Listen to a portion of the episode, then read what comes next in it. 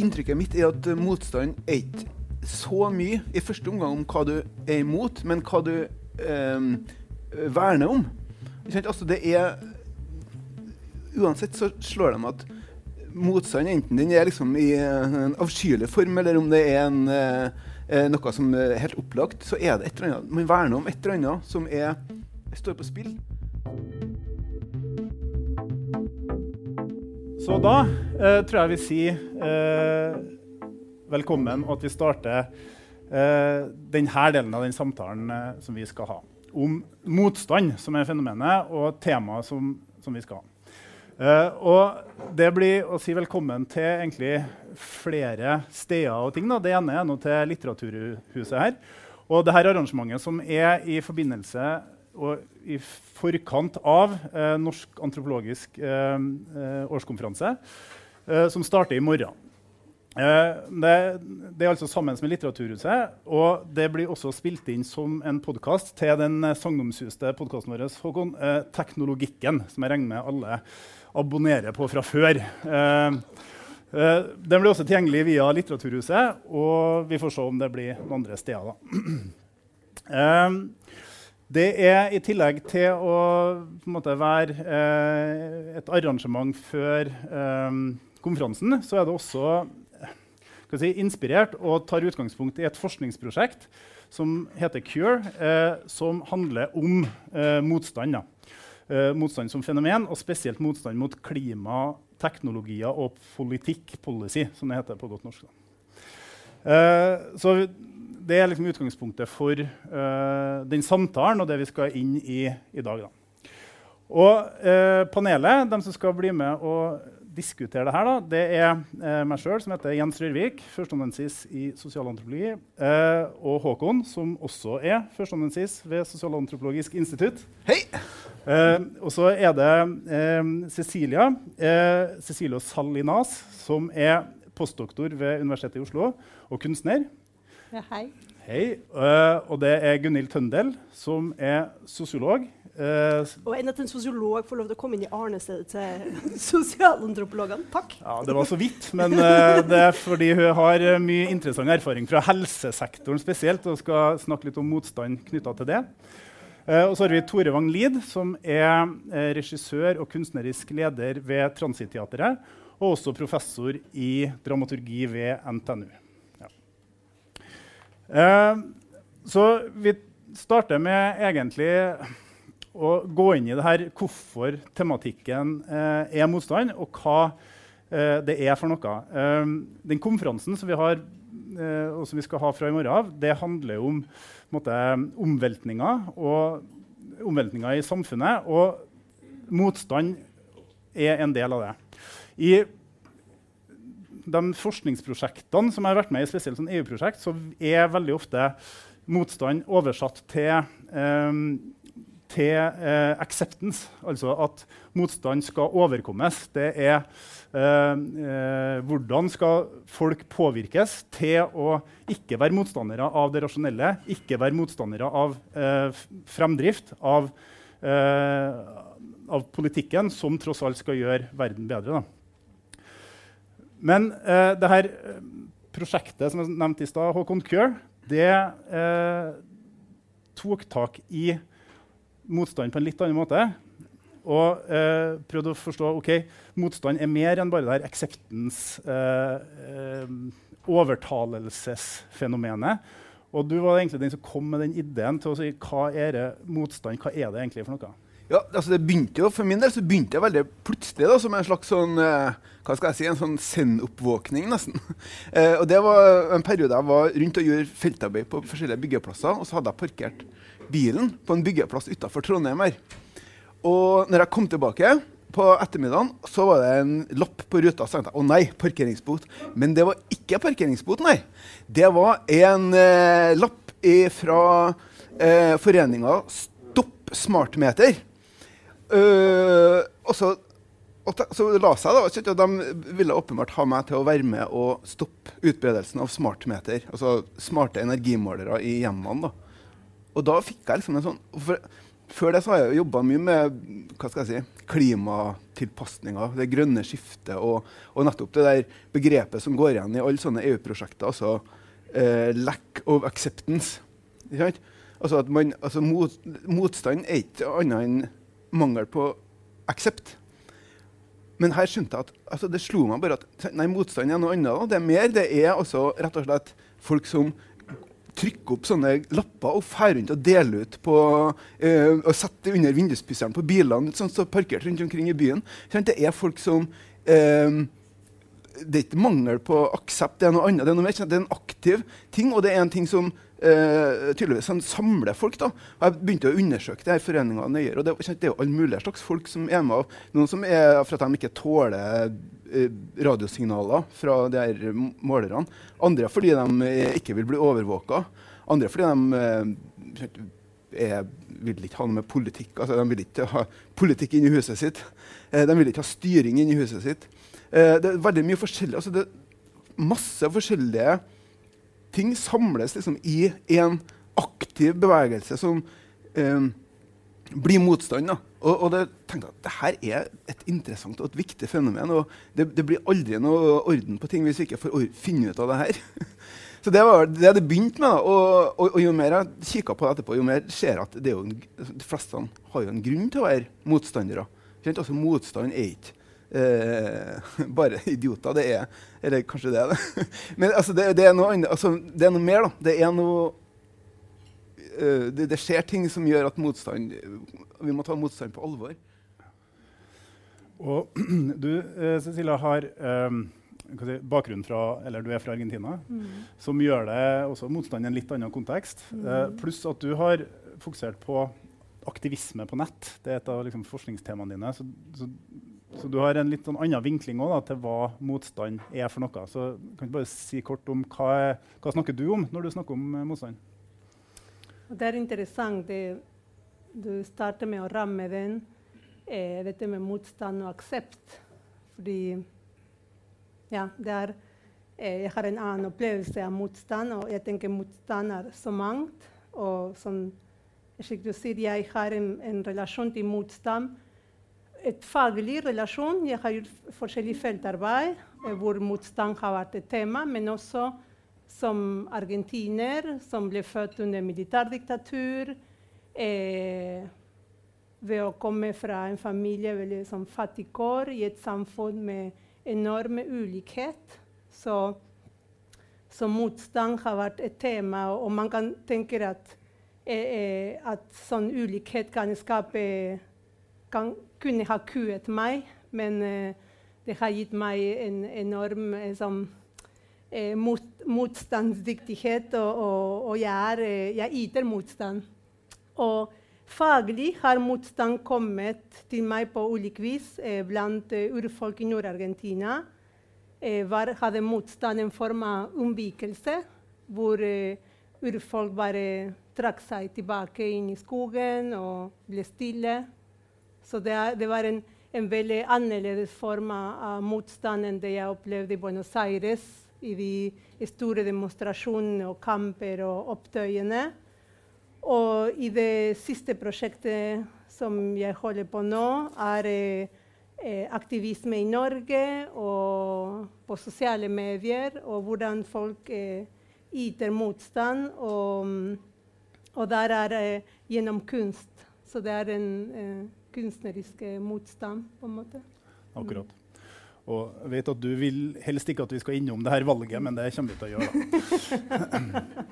uh, og, og Gunhild, du er jo invitert til tross for at du er sosiolog. Uh, og en av grunnene til at du ble invitert, er jo uh, altså, Gunhild har holdt noen fantastiske forelesninger i et av emnene mine tidligere. Der du starter med eventyret om geitekillingen og går derfra til å snakke om helsevesenet egentlig, og, og indikator og målstyring og opplevelsen av å bli telt og krenkelsen.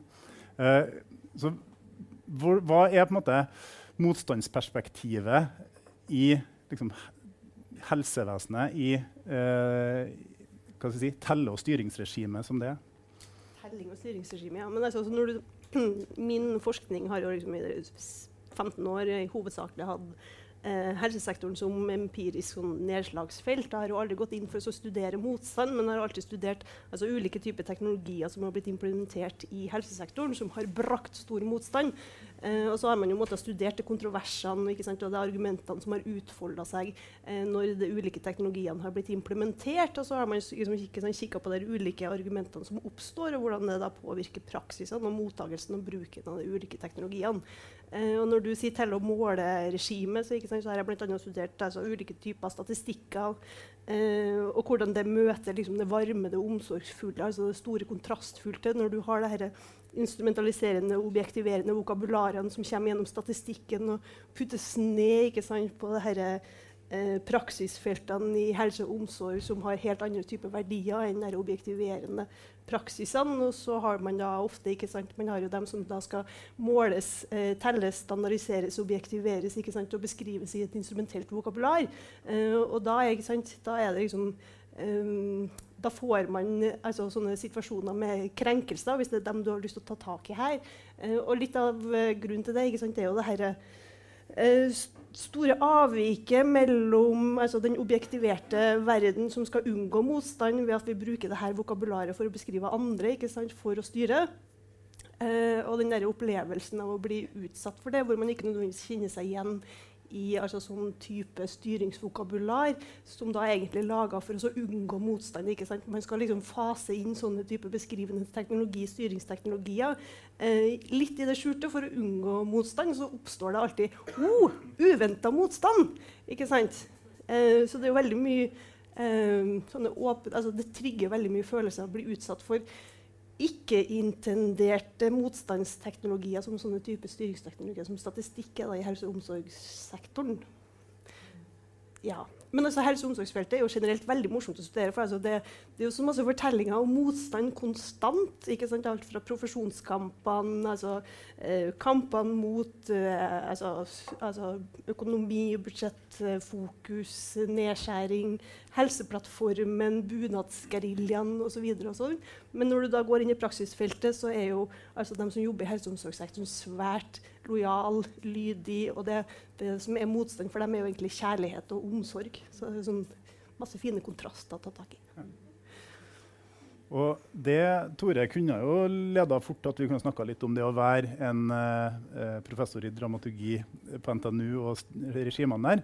Men hvis vi starter med eh, si, eh, tilstander av unntak, eller den, de kunstprosjektene dine som er veldig politiske, eh, og motstand i det, så eh, kan jo si fort om eh, det ene, altså Jeg har jobba en del med Tore eh, der du er regissør, og det å bli underlagt den dramaturgien som du som regissør måte, eh, inkluderer folk i, da, så er det motstand både liksom, noe som tematiseres, men det er også i selve kunsten. Altså formen og innholdet i det du jobber med, så er det mye motstand. Er du enig? Ja, jeg har sittet og tenkt når, når, eh, når temaet var motstand, så jeg tenkt litt overordnet over det du sikter mot nå, er vel kanskje det å arbeide med en type Det å nærme seg på en måte, i dette tilfellet tilstander av unntak, et stort scenisk eh, et, et, hva kan du si, et seminar, Tenkt som et utvidet seminarrom som tar med seg kunstneriske parametere i forståelsen av fenomenet unntakstilstand. Der en del teoretiske perspektiver kommer til kort, så var hypotesen som lå til grunn at, at ved hjelp av å åpne opp rommet for andre måter dramaturgisk å organisere en kunnskaps eh, tilnærming på, så kunne jeg komme nærere en forståelse av et relativt ullent fenomen. Eh, og, og, og, det gjør jo selvfølgelig at et sånt prosjekt umiddelbart beveger seg i en, en motstand både mot tradisjonelle akademiske forestillinger om, om, om både, både, kunnskapstilnærming og kunnskapsformidling, og på den andre siden et tradisjonelt kunstfelts innstilling til dramaturgi som, som spenningsoppbygging eller, eller, eller eh, publikumsunderholdning. For dette er et prosjekt som tar sin tid, som varer 3 timer, 8 minutter og 38 sekunder, som er den tiden det tok Anders Behring Breivik å sprenge regjeringskvartalet og, og, og henrette unge mennesker på en sommerleir. Og, og, det er klart at der, i de ligger det en slags gjensidig, dobbeltsidig eh, motstand mot to institusjonelle eh, Hva skal jeg si da? Eh, ja, to institusjonelle eh, plattformer.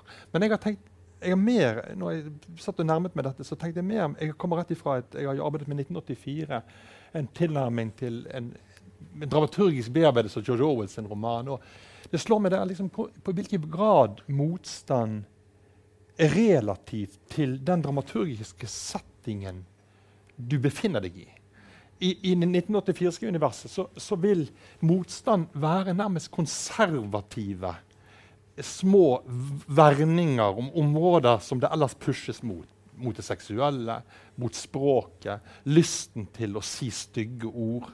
Altså, Motstand relativeres til hvilken type eh, dramaturgisk motsats som, som, som, som settes. Jeg tenker, at, jeg tenker, at, Det er en veldig viktig ting, for ofte når en snakker om motstand sånn umiddelbart eh, Tidens motstand, Fosen-aksjon, aksjoner mot dette, aksjoner Så er aksjonen aktiv. ikke sant? Den er handlende.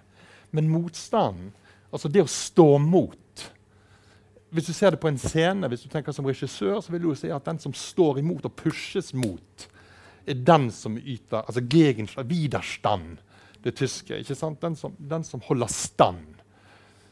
Det som Adorno ville beskrevet på 1960-tallet i, i, i, i, samtidsmusikken som den som graver seg ned og på en måte insisterer på det marginale i en revolusjonær studentbevegelsestid det er den egentlige motstanden. ikke sant? Så Der begynte jeg å, å, å, tenke at det er produktive ting å tenke over motstand i det perspektivet i en tid av polemikk.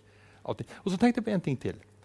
Jeg tenkte på den gamle Jørgen Habermas, som i fjor høst kom med 60 år etter sin, sin eh, doktorgrad så kom han altså med en Neuerstrukturwandler offentlighet. Altså, den, den å insistere på et rolig, saklig ordskifte som på 90-tallet var helt ut, og som var dødfødt. Men i en tid av polemikk så fremstår det i en tysk setting nå nærmest som en slags underlig revolusjonær handling.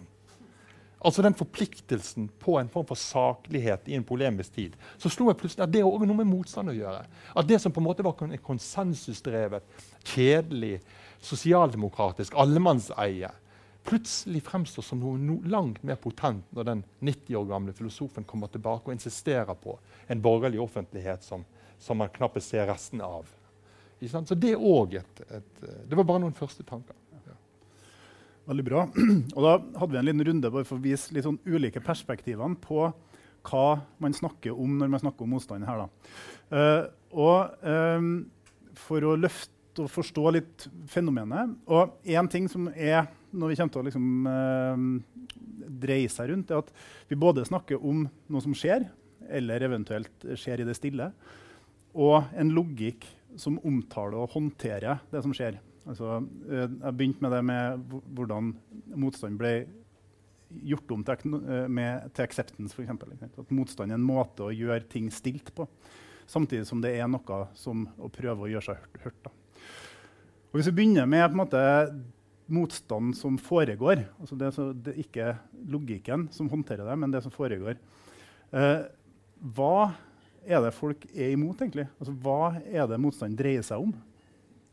Bare for å følge opp det, det, du sa om Habermas den fortsettelsen av det, altså det er, Inntrykket mitt er at motstand er ikke så mye i første omgang om hva du er imot, men hva du eh, verner om. Altså, det er uansett så slår de at motstand, enten den er liksom i en avskyelig form, eller om det er en, eh, noe som er helt opplagt, så er det et eller annet. Man verner om et eller annet som er, står på spill. Er, og det kan ikke om det er samfunnet sånn som vi kjenner det, orden, samfunnsorden sånn som vi kjenner det, eller det er øh, økosfæren som er, Vi kan kanskje ønsker at den ikke skal kollapse. Eh, eller det er faglig, eh, fagligheten, min faglige dømmekraft, eller vår, vår faglige dømmekraft, er utfordra. Og, så retter motstanden seg mot forskjellige hva det nå enn er som truer.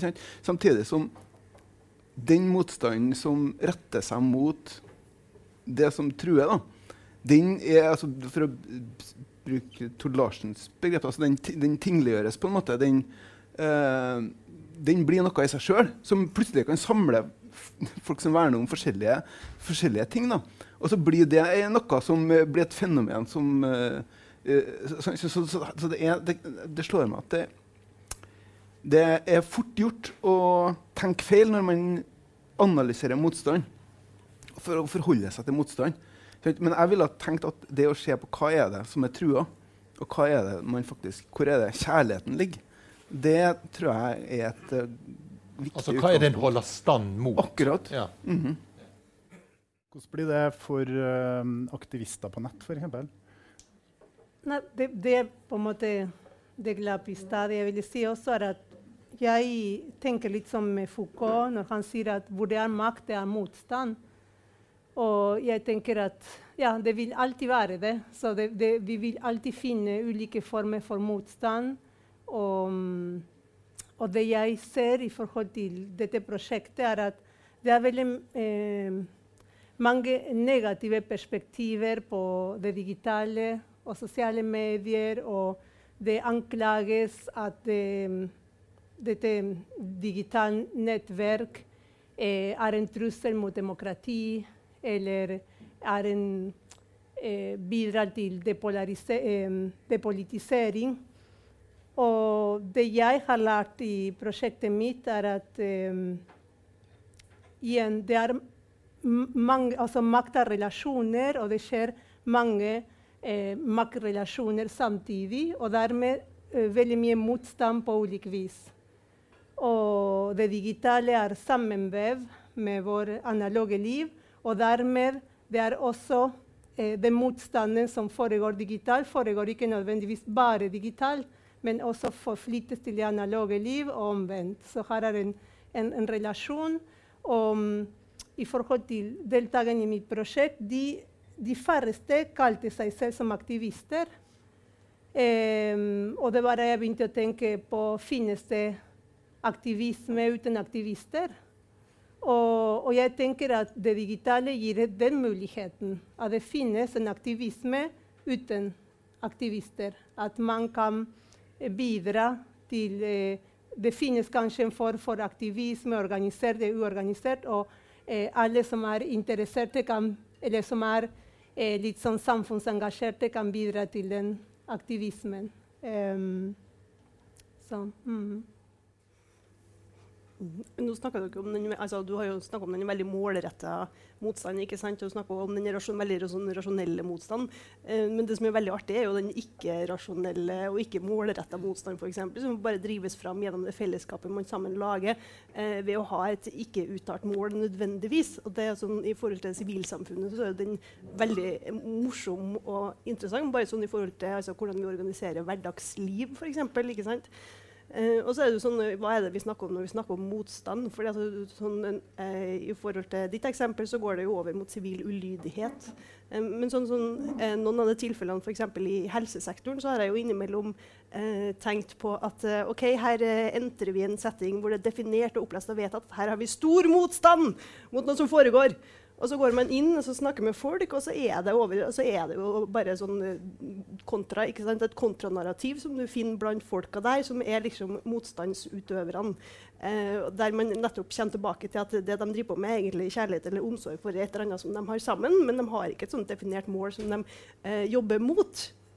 Så hva er motstand da? Ikke sant?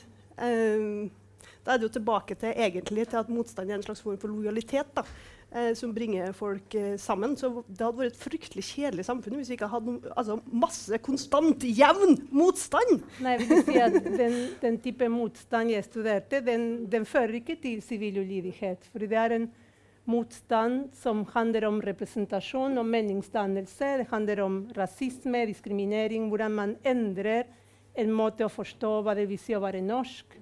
Eh, så, og det er det er et mål samtidig som det er også litt mer spontane utbrudd. Og det er den, den digitale aktivisme gir den muligheten at du har en aktivisme som foregår, og hvis du har den spontaniteten til å kaste fordi den taler til deg, fordi det, akkurat den saken om rasisme, den saken om diskriminering, den saken om hva det vil si å være norsk, taler til deg, du kan være med. Mm. Men hvorfor går de ikke over til sivil ulydighet? Sikkert er det noe, men i, i, i mitt prosjekt har de, de har ikke gjort det. Eh, ikke i det de jeg studerer. Og jeg tenker på de mindre som aktivister og mer som aktivist. Eh, og det er en, en ung eh, akademiker fra USA som, som sier at eh, Jeg skal lese, han, veldig, det, det, er treffende. Han sier The artivist er en som bruker sitt kunstneriske virke til å kjempe mot urettferdighet og undertrykkelse i alle sine former. Kunstnere kombinerer engasjement for frihet og rettferdighet med pennen, lerret, pensel, stemmen, kroppen og fantasien. The artivist knows that to make an observation is to have an obligation. Så den motstanden handler om den, å, å, føle seg eh, obligate no? til, til, å gjøre noe handlet på urettferdighetsvegne. Mm. Uh, ta ballen til deg, Håkon. for Du har snakka en del tidligere om eh, hva skal jeg si, eh, fellesskapsperspektivet. For du snakker om, om fellesskapet, lojalitet, og, men også aktivisme. Og det med aktiv motstand versus hva skal jeg si, passiv eller usynlig motstand. Eh, hvordan hva skal jeg si, motstand i dag er knytta litt til en um, endring i fellesskapsforståelsen? Ja, altså, det er jo Motstand er jo effektivt når man er, står sammen. Det er fellesskapet som, som gjør motstand. Og, uh, arbeiderbevegelsen er et eksempel. Altså, uh, arbeidere som organiserer seg og står mot uh, bedriftseierne. Um, Organiseringa tar nye former nå. Det er mye mer digital digital organisering. Det er grupper, det er sånne som motvind og, altså, som, som, på en måte På én måte gjør motstand effektivt og samler folk og avtaler. Kjent, du kan avtale møte, akkurat som du snakka om. Uh, men samtidig så er det jo ting som tyder på at evnen til å tenke på at vi kan påvirke verden organisert som et fellesskap, ser ut til å hva skal jeg si, blir svakere og svakere. Altså, mer og mer så det, står vi som individer vis à vis en, eh, en, eller annen virkelighet som vi egentlig ikke kan forandre på. Uh, så går det an å lage motstandsgrupper og gi dem likes. og sånn. Du kan liksom gå inn i den likes-økonomien. Men, men, man er i økende grad alene, altså. Like på tross av at at sosiale medier også samler folk. Det er trenda der. Bare, noe du diskuterte like før vi gikk på her nå, eh, som, som, jeg ikke har lyst til at vi mister helt tak i, det som tangerer det du sier nå, er jo Du hadde noen tanker om jeg regner med du er delaktig i denne samtalen. Liksom. Nei, du hadde noen tanker om motstand og, og ill, som, forstått som illojalitet. Altså, En kunne jo tenke seg i et dannelsesperspektiv at motstand er en forutsetning for ethvert fremskritt. Altså, en trenger ikke være hegelianer eller marxist for å for å tenke at en, at en, stemme trenger en motstemme for så å komme frem til noe nytt, og at dermed motstand burde være innebygget i en, en, en hvilken som helst opplysningskultur. Men så kom du med den fra siden at om du opplever det, i alle fall var det du som brakte det opp, at motstand Kanskje du hintet mot universitetssektoren nå, du, og, men, men at, at, motstand veldig fort kan oppleves eller erfares eller vurderes som en form for illojalitet. Hva, hva tenkte du om det? Ja, nei, Takk for spørsmålet. nei, altså, når jeg brakte opp der, så var det egentlig både uh, Første gangen jeg begynte å diskutere det, var at, i en studie av det som da var Statoil, uh, hvor uh, krit kritikk ble sett på som illojalitet. Altså kritisk tenkning var sett på som illojal aktivitet.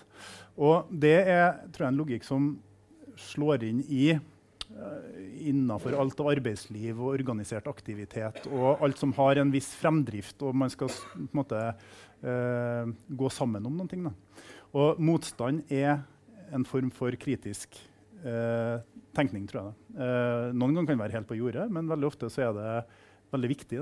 Altså en veldig viktig element for en, et miljø å ha en kritisk stemme og en kritisk tenkning. Og når kritikk og kritisk tenkning er illojalt, så er også motstand illojalt. Egentlig det elementet som er inni. Og tror du finner i klima, helse overalt. Da, og i strømlinjeforming av organisasjoner. Da. Altså, jeg mener jo at det er ganske tydelig uh, ved NTNU da, at uh, det, du, hvis du står opp for uh, um, akademisk frihet, så er du, står du i fare for å bli oppfatta som illojal uh, i tida når det skal skjæres ned. og det er kjent. Uh, samme, det er lettere for meg å snakke om, om uh, en bransje som jeg har studert veldig, veldig nøye, men som jeg ikke er en del av sjøl, som er byggebransjen. Og der er det det samme. Altså, det kommer verktøy og ideologier som uh, håndverkere skal bruke. Uh, F.eks. det er sånt, en sånn klimakalkulator som kan brukes for å beregne klimaavtrykket til forskjellige boliger som håndverkere. Det er et, et, prosjekt om at håndverkere skal gå rundt og måle, eh, si, dokumentere boliger. Og så opplever de at det å bruke det verktøyet det på en måte ødelegger deres altså, deres håndverksmessighet går i stykker da, hvis de skal bruke det verktøyet når de gjør jobber i, i hjemmene til folk. Uh, og de kan ikke stå for det som håndverker. Og Derfor så velger veldig mange av dem å ikke bruke det, eller at de uh, har det med seg og så sier de til uh, kunden at vi, vi, kan legge det bort, og så tar vi um, en, en, litt mindre pris, og så, og så, gjør vi det sånn som du vil ha det. eller sånn som en, jeg som håndverker mener at det bør være. da. Så, og det er jo illojalt. Da, og det her er jo noe som er gjort liksom, i klimaomstillingas tjeneste. Da er du illojal mot saken eller mot det maskineriet som skal, altså virkemiddelapparatet, som det kalles, da, som skal sørge for det grønne skiftet i Norge. Men samtidig så er man lojal mot det man kan, og det man er, nemlig yrket sitt. Uh, og det, jeg tror det er veldig mange akademikere som opplever det samme. altså. Men jeg tenker det, Hvis vi hadde hatt en Einar Gerhardsen eller en Håkon Lie her nå, så ville nok antagelig de gamle mennene der ville satt tilbake og sagt at dette er jo den samme type illojalitet som vi ble anklaget for i streikebølgene på 19, i 1918, 1919, 1920. Men som, som, som det, det, da dreier seg om på hvilken måte en håndterer. Altså, selvfølgelig blir en sett på som illojal imot en arbeidsgiver i en streikesituasjon. Det vil være det første. Men spørsmålet er jo om hvordan du selv erfarer din egen illojalitet i det tilfellet. Om du erfarer den som illojal. Og det er jo der antagelig arbeiderbevegelsen ville prøvd å lært den moderne akademikeren å stå imot følelsen av å implementere det å være besværlig som, som, som noe negativt. Ikke sant? Hvis du skjønner hva jeg mener? Ja, absolutt. Mm. Uh, mm. Jeg vil bare si Det er også igjen interessant å høre den diskusjonen om motstand mellom lojalitet og illojalitet. fordi hvis jeg eh, ser det med mine argentinske briller. I Argentina har vi ikke den type diskusjon om motstand som noe illojalt eller lojalt. Det, det, diskuteres eh, eh, gjennom andre termer, og det minner oss igjen som, som antropologer at vi er det at eh, motstand er også kontekstuell, og vi, det er kontekstavhengig. At vi ikke kan bare generalisere at motstand er en ting, og det er det samme tingen overalt, og at den eh, tvinger frem det samme logikk eller samme dynamikk. Eh, vi må, ja, jeg, jeg syns det er interessant det med å ha det eh, kristkulturelt perspektiv med seg. Mm. Både formene og den logikken det møter, er eh, kulturelt, mm. kontekstuelt definert. Ja. Mm. Kan man følge opp med det? Det, eh, når vi har, har her, og, og, det som har skjedd i Argentina nå og, og, og jeg spurte deg i forkant om, om om forutsetningene for motstand. Nå tenker jeg på valget i Argentina med Javier eh, Milei. Um, og,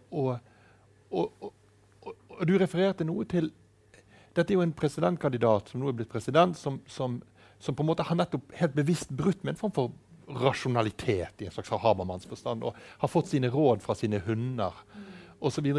Eh, kan, kan, si, kan ikke du si litt om det på en måte kommunikative sammenbruddet, sett fra det perspektivet? Da, som, som ja, ja, ja. Og, det, og det, det, er en, på en måte et glimrende eksempel på at motstand kan være så mangt. fordi jeg tror ikke vi kan forstå dette veldig merkelige Millet-fenomenet i Argentina uten å se det som en form for motstand mot en politikk som har ført til at landet i dag er virkelig i en, i en dyp krise med 230, jeg vet ikke, 300 kanskje i dag, eh, prosent inflasjon, eh, 50 eh, arbeidsledighet.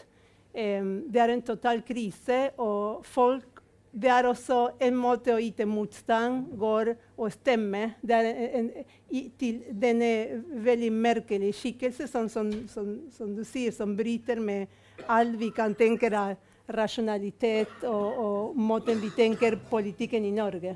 Men vil en opposisjon mot Malay, som henter rådene sine fra, fra sine hunder, ifølge seg sjøl, vil den òg da måtte da vil vel det i, liten, i, i, veldig liten grad kunne bygge på rasjonelle mm. argumenter. Vil, vil, du få en slags ir, en mulighet for en irrasjonell motstand mot en irrasjonell politikk?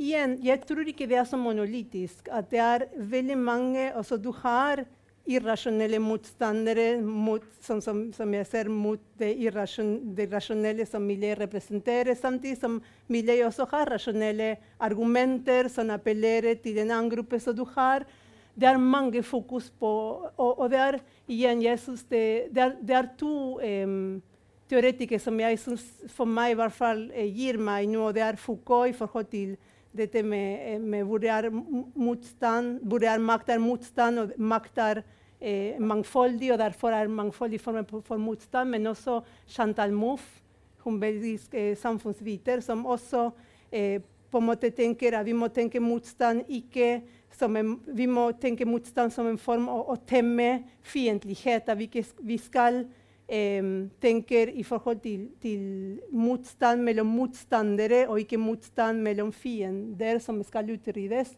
Og jeg tror eh, det er der vi kan få en, en, kanskje en litt bedre demokrati. Vi vil aldri kvitte oss med uenighet eller konflikt. Vi må bare tenke oss som et samfunn i konflikt. Og jeg tror Argentina er Argentina, så langt jeg husker og som jeg kjenner, er et land i krise og konflikt. og vi tror ikke vil få en konsensus, eller det er heller ikke målet, men det er hvordan vi forholder oss til konflikt. Eh, siden det er liksom to kunstnere nå som uh, er, går inn i Argentina, egentlig, da, men jeg uh, har litt lyst til å bare gå litt bort fra det politiske og inn i det litt mer sånn kunstneriske inngangen til, til, til motstand òg. Uh, vi snakka liksom før vi kom om Jeg tror det var Gayman som har en sånn uh, bok som heter 'Trigger Warning'. Så han irriterte seg så gærent over at uh, hans materiale måtte, måtte, ha 'trigger warning'. Advare folk om at her skulle de oppleve noen ting. og, og tenkte at hvis du som kunstner ikke skal skal gjøre at folk opplever noe, får en liksom, dramatisk opplevelse, hva gjør du da? Og det er noe med altså, hele den formen altså Dere som kunstnere og også akademikere og alle andre, men forutsetter at det skal være et møte, og at det skal være en type motstand i, i, i arbeidet deres. Skal jeg begynne med den? Ja, altså... Ja, det er klart, det, Du treffer jo på en måte med det spørsmålet til en, eh, i en veldig betent og, og krevende eh, kunstvirkelighet. Og, og, det er klart, det begynner å bli noen år siden den franske, ikke franske, men tyske regissøren Frank Kastrup sa i et intervju at det, det, det publikummet på Folksbyene og For de som kjenner tysk teater, så vet en at Folksbyene er det mest radikale av kanskje Europas teater var over lang tid. Så var frykten, altså frykten for å frykten for å bli fornærmet altså, mente han var en av de sterkeste kreftene i et publikum. Altså redselen for aversjon mot å bli fornærmet, som òg betyr å ikke forstå. Ikke sant? Og det, det er en, en, en situasjon der, der, du har et ekstremt, i våre målestokker, radikalt, eksperimentelt eh, eh teaterprosjekt. ikke sant? Da snakker vi om 90-tallet og tidlig 2000-tallet. Og, og, det er klart at den, den, den eh, eh Dette tror jeg er noe at enhver en institusjon enhver, og enhver sikkert en regissør eh, møter i større grad nå. Altså, hva kan en gjøre? Hva kan en tillate seg? Hva kan en utsette noen for før en går over og får et slags yrkesforbud? Det, det vil være dumt og feil å sitte her som, som, regissør, en erfaren regissør og si at dette ikke er, en, er tilfellet nå. Og så gjelder det da å, å, å, tørre eller ikke tørre. Og det tror jeg har veldig mye med, med livssituasjoner å, å, gjøre. Men at, at, at en en slags doksa i bordiøsk forstand over hvilke grenser en kan overskride, ligger latent hele tiden. Eh, og lurer. Og så kan en spørre seg hvem setter de grensene, på hvilke premisser. hvilken av de, I, i, i, i mitt 1984-prosjekt er handlingen satt i et tenkt situasjon der teateret ikke er mulig å gjøre lenger fordi det er erstattet av andre mer samfunnskritiske kritiske funksjoner, sånn at skuespillerne bryter seg inn igjen i teatret la oss si, om 70 år og begynner å ta i bruk ting. For det som skjer i teatret i dag, uten at dere sikkert vet det, er at eh, veldig få ting er lov. Det er ikke lenger lov å røyke på scenen, det er ikke lov med strobelys. det er ikke lov noe. Så, så denne forestillingen gitter på alle ting som ikke blir lov. Og da snakker vi ikke bare om, om seksualitet og pornografi og, og, og, og kropp og avkledning, og, dette, men vi snakker òg om, om liksom et helt komplett sett av ting som, som reguleres vekk. Og så er spørsmålet hvor mye tåler en kunstart før den på en måte mister sin, sin, sin, sin ramme. Dette, dette, er en, dette, er en, diskusjon som selvfølgelig pågår over, over hele kunstverden, og som, og som er, heller ikke har noe lett svar, fordi at, er, fordi at kunsthistorien ofte er gjemt overgrepene sine bak kunstneriske friheter. Så, men det løser ikke problemet.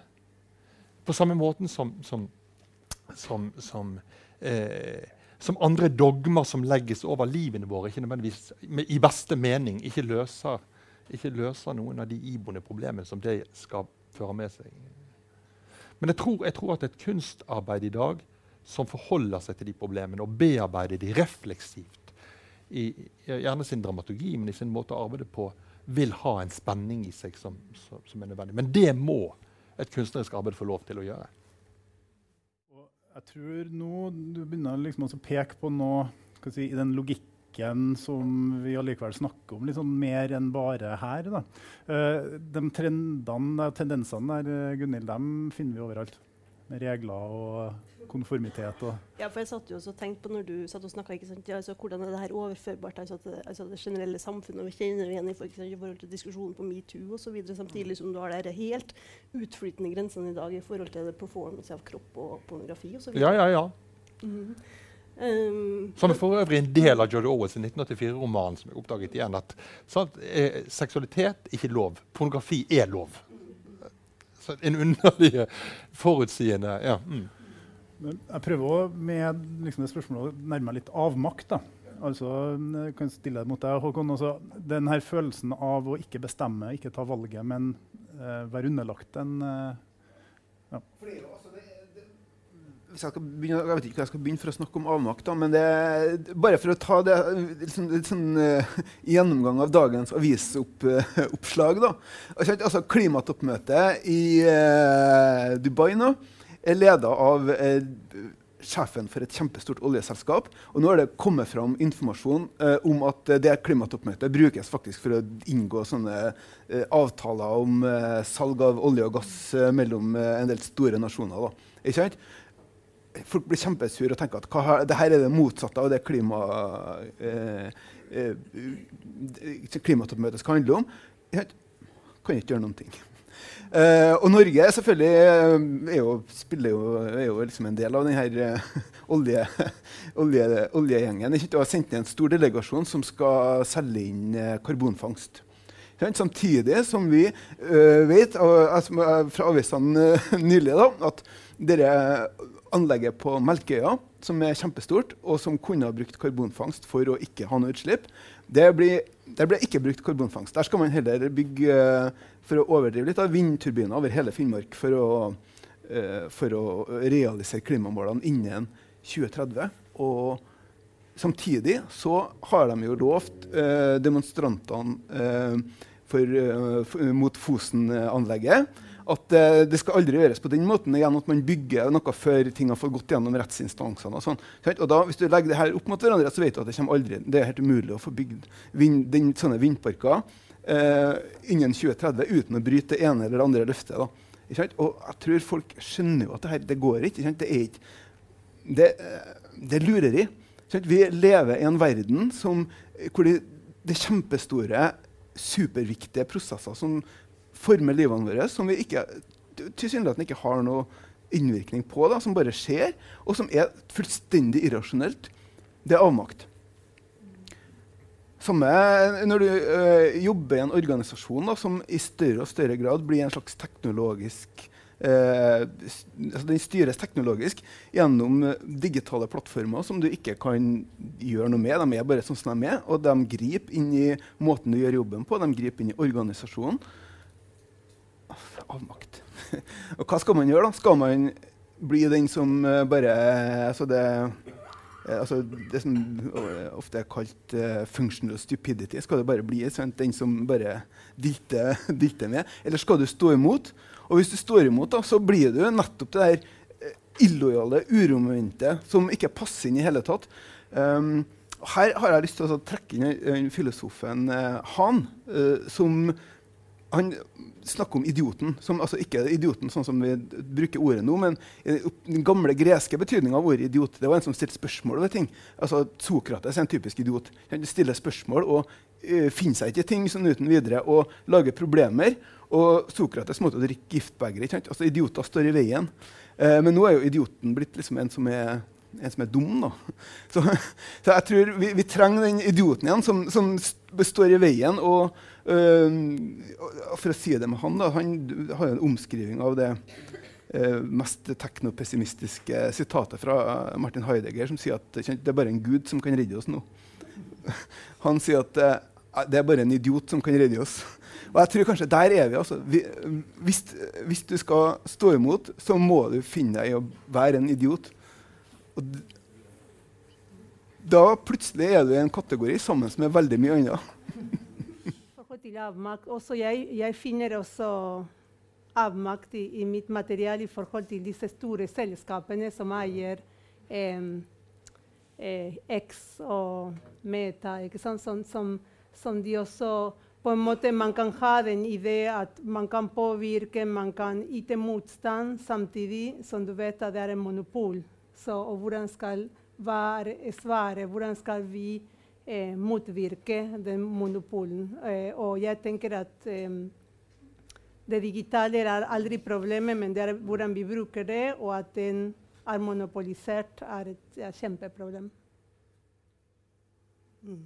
Jeg bare sitter og tenker på at altså, Avmakt sikrer jo daglig drift. Vi er jo helt avhengig av avmakt. Altså, hvert fall når, altså, når det er sånn, snakk om møte om sånn, altså, sånne store omstillingsprosesser, sånn som i helsesektoren f.eks. Hvis ikke folk hadde reagert med avmakt, eh, men altså, vært ute der og ropt som altså, idioten, så hadde vi jo hatt et stort problem i forhold til produktivitet og pasientsikkerhet og så alt mulig.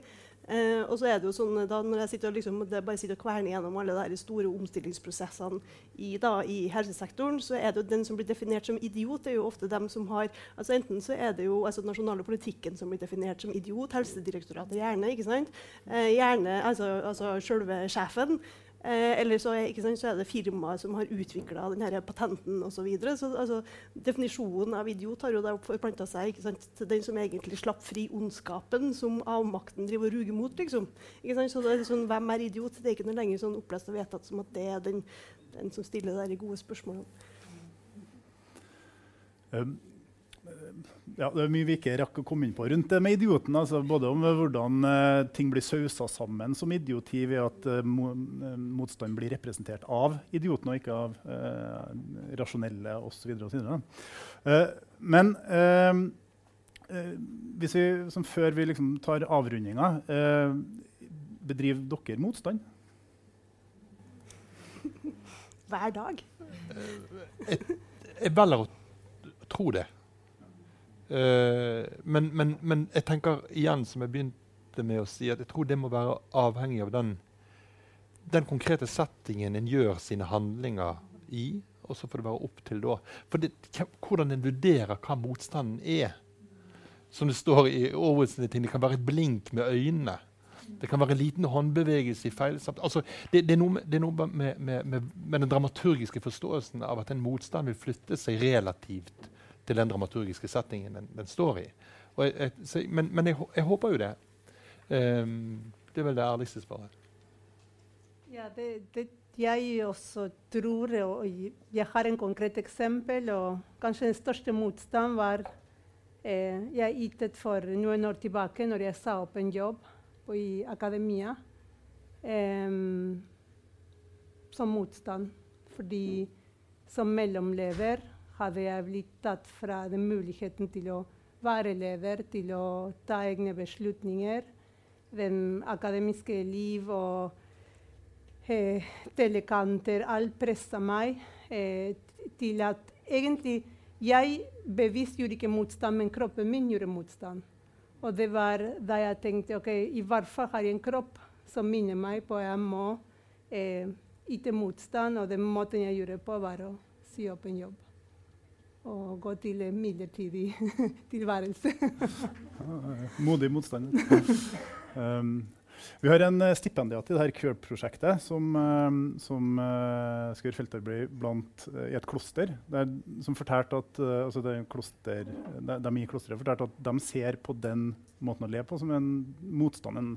Ikke, ikke, aggressiv, men en passiv, stille motstand i å leve på alternativ måte enn verden som man kan kalle for det moderne. Ja, tilbaketrekning som motstander. Ja. Uh, OK.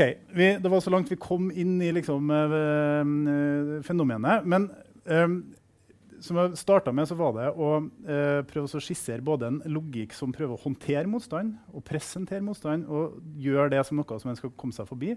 Og det å se på at det er egentlig veldig mye annet. Og så hvis vi kan avslutte med litt an annen type spørsmål Kan motstand være noe annet enn denne polariserende eh, hva si, fenomenet? Hva er motstanden? Ja. Altså, igjen, jeg bare, jeg bare, opplevde og har gjort litt research på hvordan og, bare, det, og det, det, er en, en, fordom jeg hadde. Jeg hadde en, en, en Som en av Georg Johannessens samtalepartnere i ung alder, så, så var det klart at ingenting var mindre adekvat enn Jørgen Habermas sin konsensustenkning. ikke sant? I, sånt, I, en tid av en sosialdemokratisk enighet fremsto fremsto eh, eh, Habermas som konservativ. Men det er klart, når du ser hvilken virkning Habermas med sin edruelige langsomhet har i en tysk offentlighet nå, så får du en feeling av en slags anerkjennelse som jeg tro, ikke trodde som, som, ung at jeg skulle eh, gi han nå. Og Det har gitt meg en form for respekt over hvordan motstanden flytter seg. Og i dette tilfellet, i tilfellet Habermas, så mener jeg at Habermas nå er, er forbildeaktig i, i, en måte å drive en motstand mot en, en slags tysk berøringsangst på den ene siden, eh, og en tysk polemisk stil på den andre siden, som vi har mye å lære av. Og det syns jeg er modig av, av, av, av 90-åringen. Ja. Kan ikke ta runden i det da, om eh, motstand? Ja, nei, altså, motstand er jo et uh, møte med ganske forutsigbare sosiale spilleregler. Og så liker man også å tenke at den har en sånn ferniss av spontanitet over seg, men det, det, spontaniteten er jo ofte veldig forutsigbar.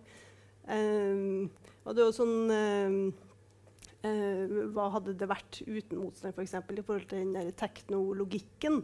Uh, så tror jeg jo at den teknologikken uten motstand, så hadde teknologikken fremstått mye mer ondskapsfull enn hva den gjør i dag. Da. Ikke sant? Så akkurat som at den motstanden driver og korrigerer eh, og egentlig gjør teknologikken en veldig god tjeneste ved å bare eksistere litt av poenget i en sånn perspektiv kanskje er jo at motstand ofte er mot konkrete teknologi eller ting, men ikke mm. logikken sjøl. Mm. Ja, nei, jeg tenker at uh, motstand er mangfoldig, og det finnes ulike former for, uh, for, motstand. Men jeg tror mer enn noen gang vi trenger å, å lytte.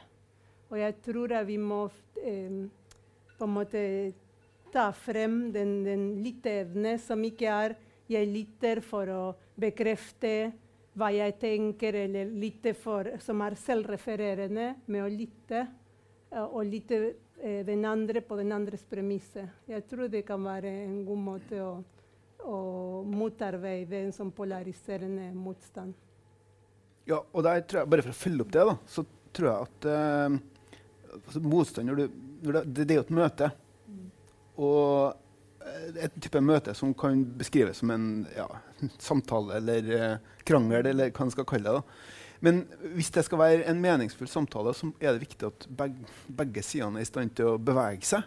Altså, det, det, man skal flytte seg sammen. Og jeg tror det som ofte skjer, er jo at du har noen strukturer som ikke rikker seg. da. Sånn at motstanden blir bare inkorporert i de strukturene som eh, ødeleggelse. Ja, for du mener at den er institusjonalisert? og dermed... Akkurat. Ja. Sånn at jeg tror at eh, en motstand som er virksom, må være i stand til å gå fra liksom, å peke på de enkelte synlige tingene til å faktisk peke på strukturene og snakke om strukturene eh, på en tvingende måte. Da. For ellers blir det, altså det, det være, Hvis det skal være en dialog, så må grunnlaget til begge partene være i bevegelse. Og det, sånn er det veldig sjelden nå. altså. Nei, supert. Um, vi tar oss tida hvis det er noen som brenner inn med et spørsmål eller en kommentar. Så er det lov sånn uh, Hvis det er noen som har noe de ønsker veldig å si eller spørre om. Nei vel, alt var klart og tydelig. Da sier vi tusen takk til dere. Ingen motstand.